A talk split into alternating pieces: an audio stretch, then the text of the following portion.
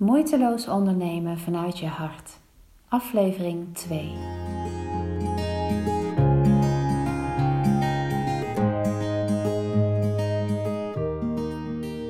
We hebben de kamers van de kinderen opgeruimd en normaal geven wij alles aan goede doelen.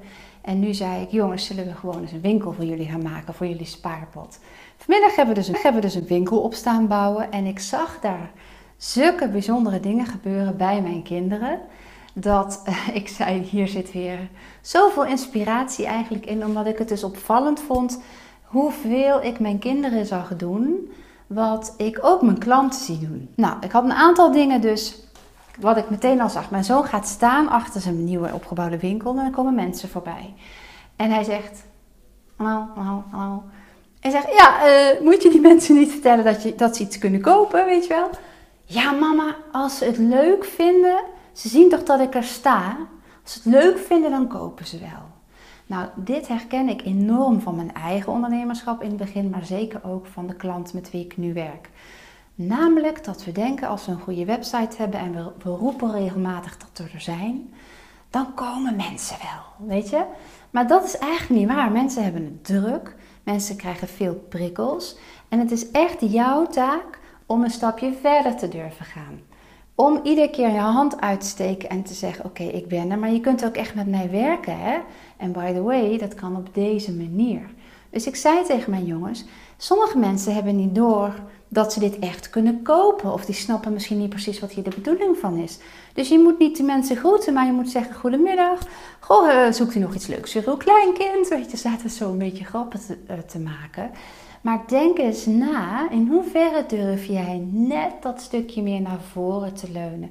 Om tegen klanten te zeggen, je kan ook echt iets bij me kopen. Want ik hoor heel veel ondernemers die best wel veel volgers hebben, die best wel veel goodwill hebben van mensen of, of reacties op hun blogs, maar waar toch niet echt genoeg klanten uitkomen. En dan kan natuurlijk aan 6000 dingen liggen, maar één van de dingen die dan meestal ook speelt, is dat je net niet vaak genoeg of net niet duidelijk genoeg ook een aanbod toevoegt. Aan een mail, aan een blog, aan een Facebook post. Durf dat gewoon te doen. Hoe duidelijker het is voor mensen hoe ze dan met jou iets zouden willen, als ze dat voelen dat ze dat willen, hoe fijner. En veel ondernemers doen dat dus te weinig. En mijn jongens deden dat dus ook meteen niet. Van ja, als ze iets willen, komen ze wel. Ze weten toch dat ik er ben.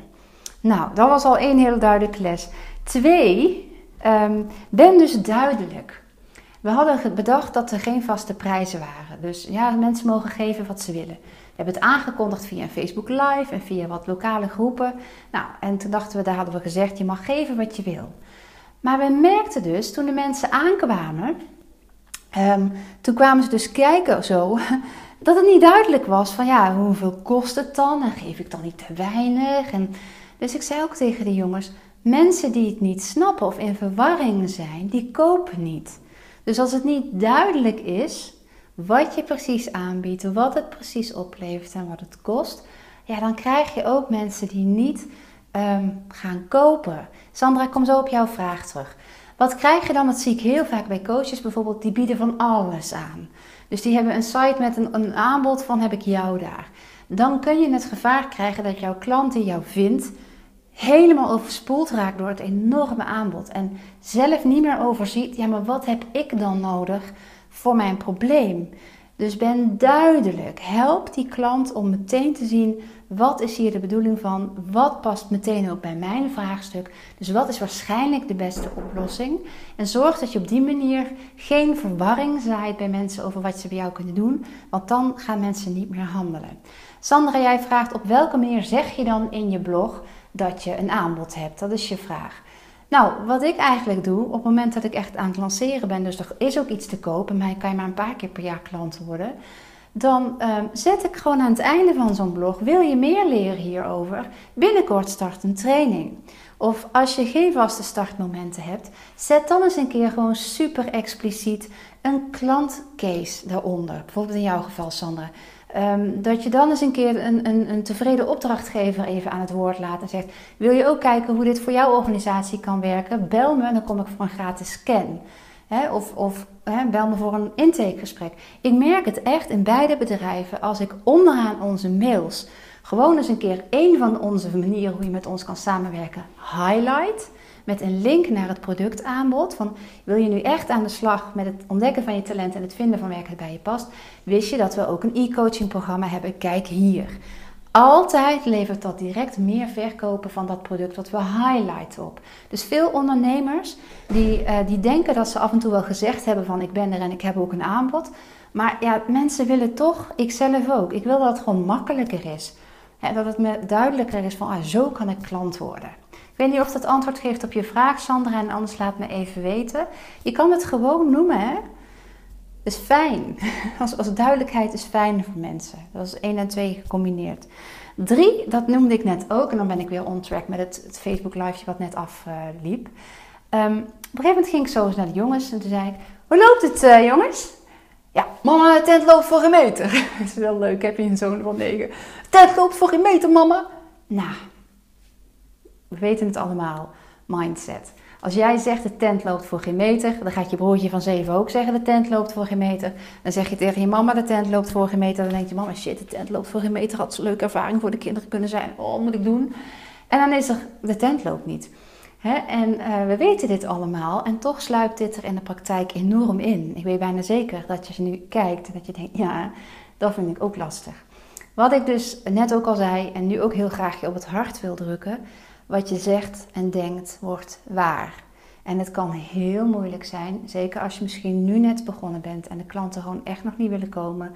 Of als je wat langer bezig bent, heb ik een enorme dip, dat de stroom en de flow helemaal uit je bedrijf is.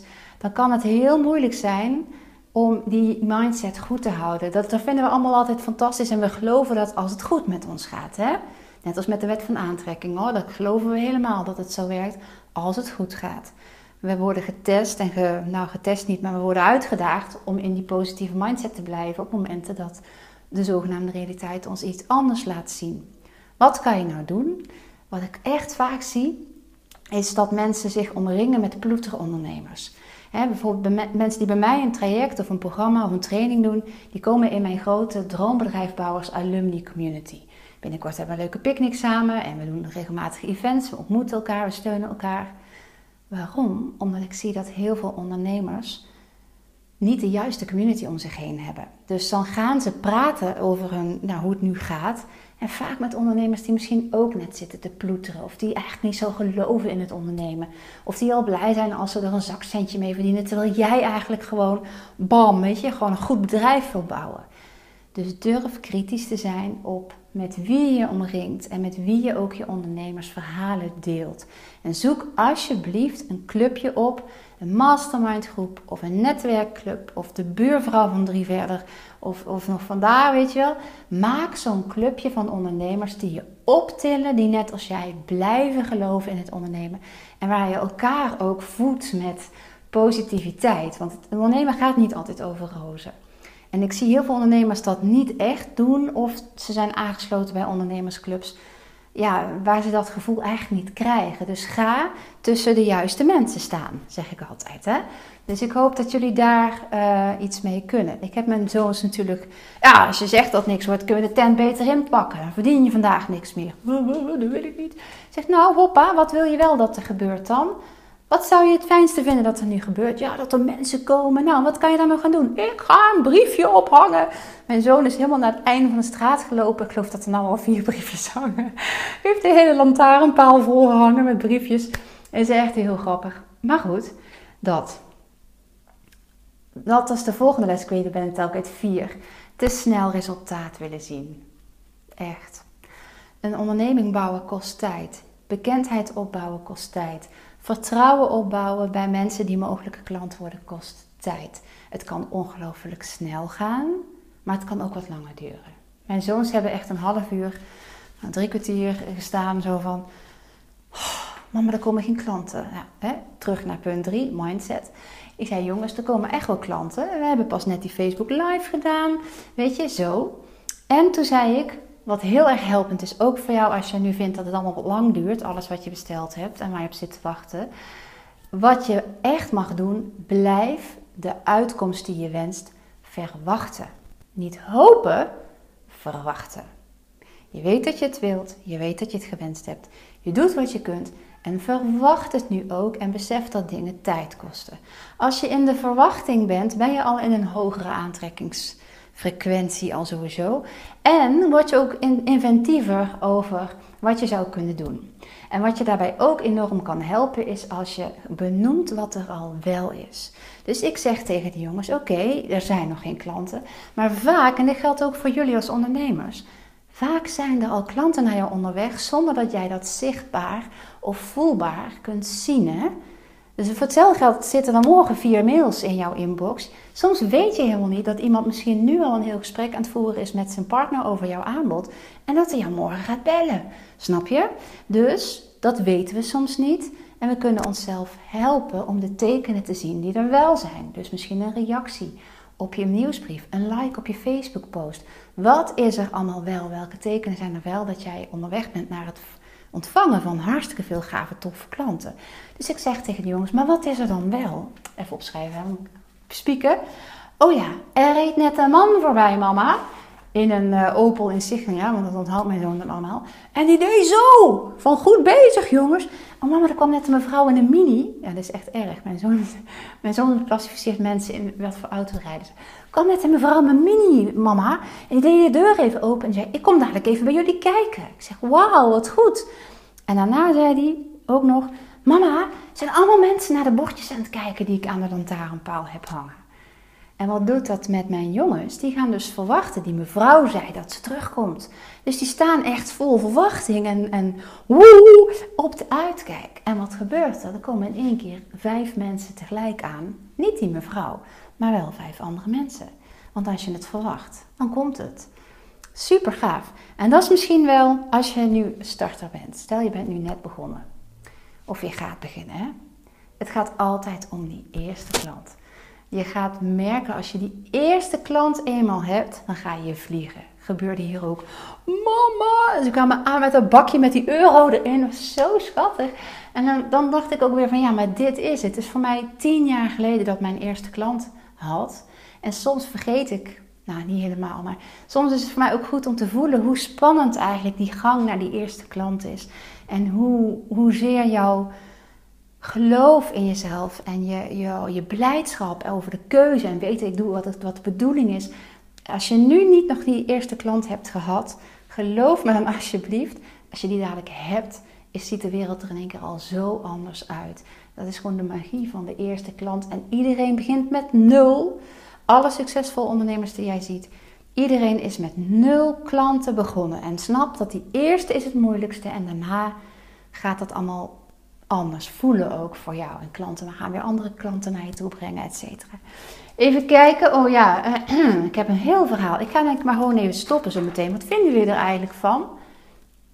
13 kijkers live in de studio. Wat had ik nog meer? Ja, weet je, ehm, ja, dit ga ik toch nog even zeggen. Wat ik ook zie gebeuren, mijn zoons zijn ook uh, kinderen die heel graag um, ja, de dingen goed doen en de dingen willen laten lukken.